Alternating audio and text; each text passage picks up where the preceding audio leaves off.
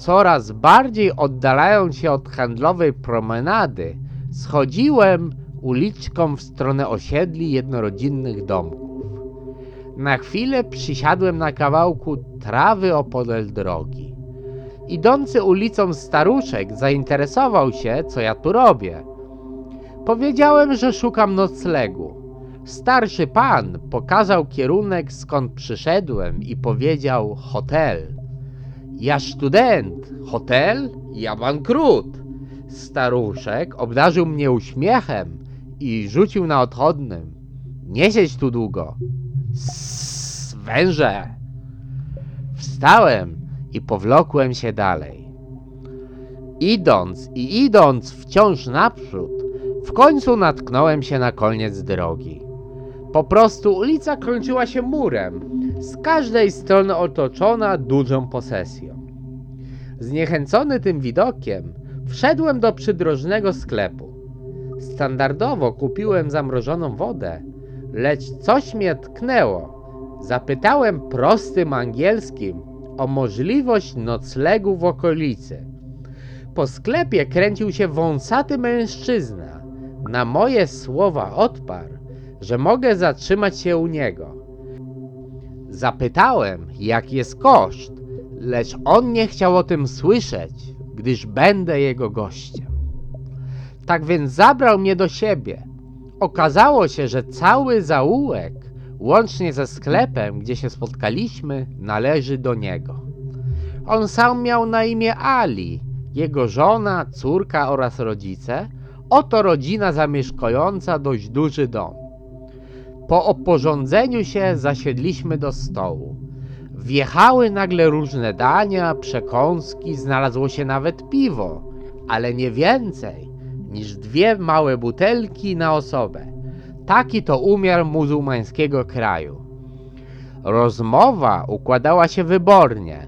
Pan domu zadawał różne pytania, ciekawe mej podróży i innych stron, od czasu do czasu posiłkując się córką, która potrafiła po angielsku wyrazić bardziej złożone kwestie.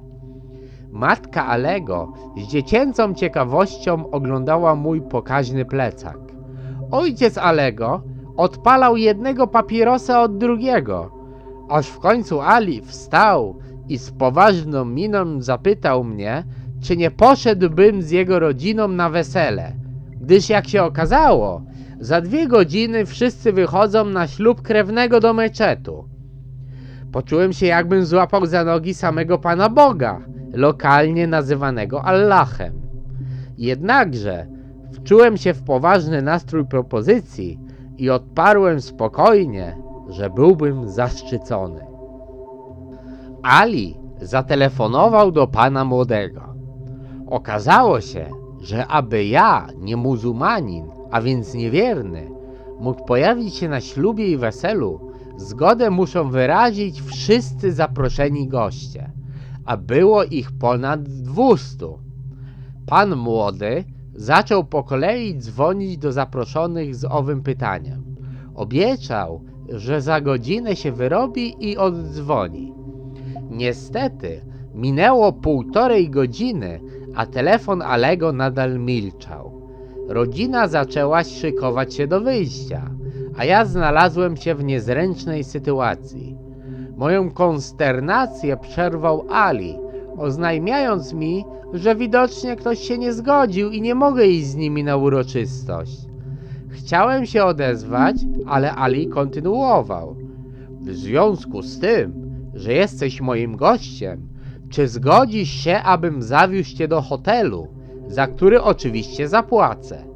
Jutro, jak tylko się obudzisz, dasz mi znać, a ja po ciebie przyjadę.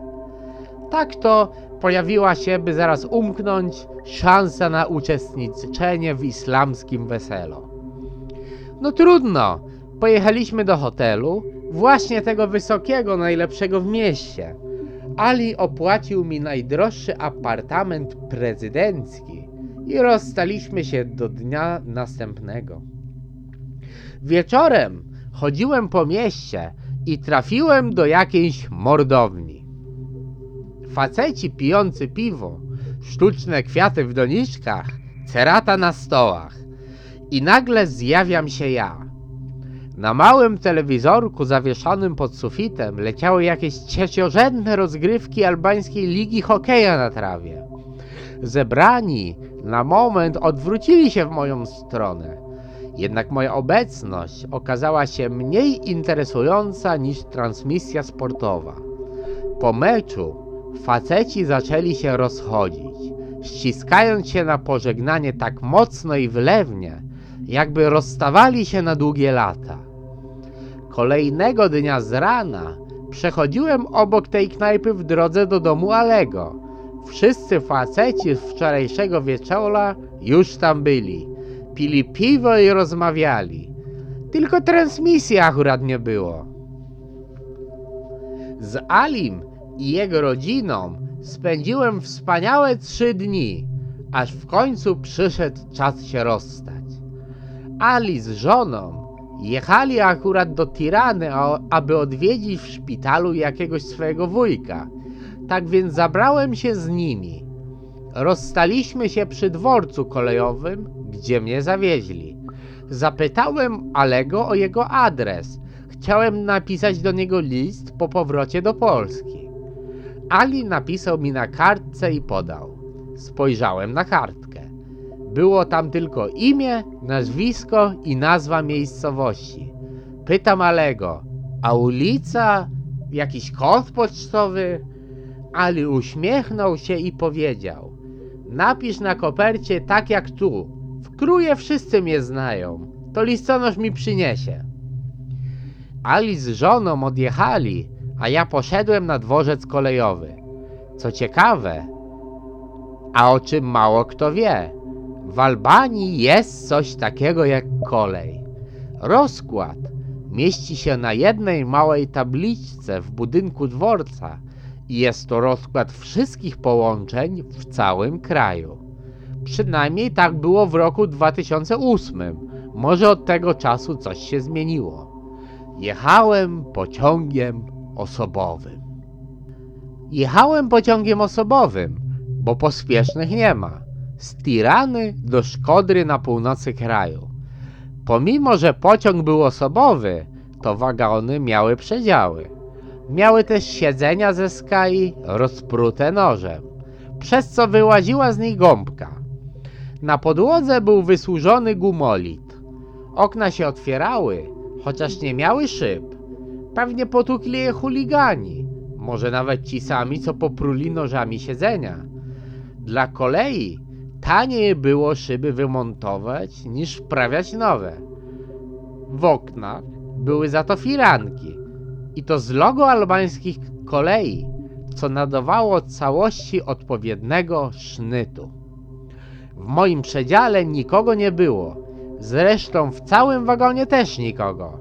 Nie zmieniło się to przez całe 6 godzin podróży tym pociągiem. Co ciekawe, aby przebyć 100-kilometrową trasę, w trakcie podróży kilkukrotnie zmienialiśmy kierunek jazdy. Firanki wesoło szarpał pęd wiatru. W pewnym momencie jedna się urwała i poleciała w siną dal. Po drodze można było podziwiać widoki albańskiej prowincji, na przykład hałdy śmieci. Gdy wśród śmieci pojawiały się bose, bawiące się śmieciami dzieci, oznaczało to, że pociąg zbliża się do jakiejś wioski.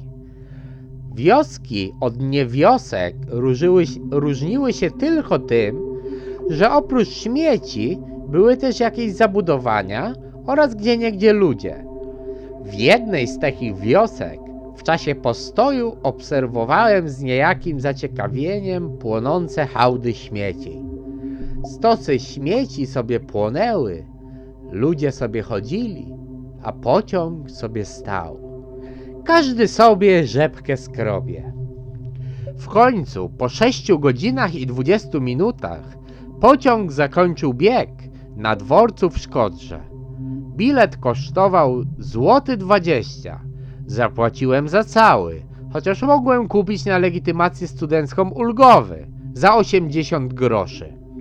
100 kilometrów w niecałe 6,5 godziny.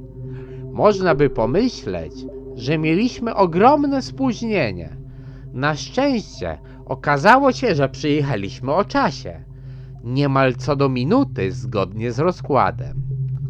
Magiczna podróż ze średnią prędkością 15,5 km na godzinę.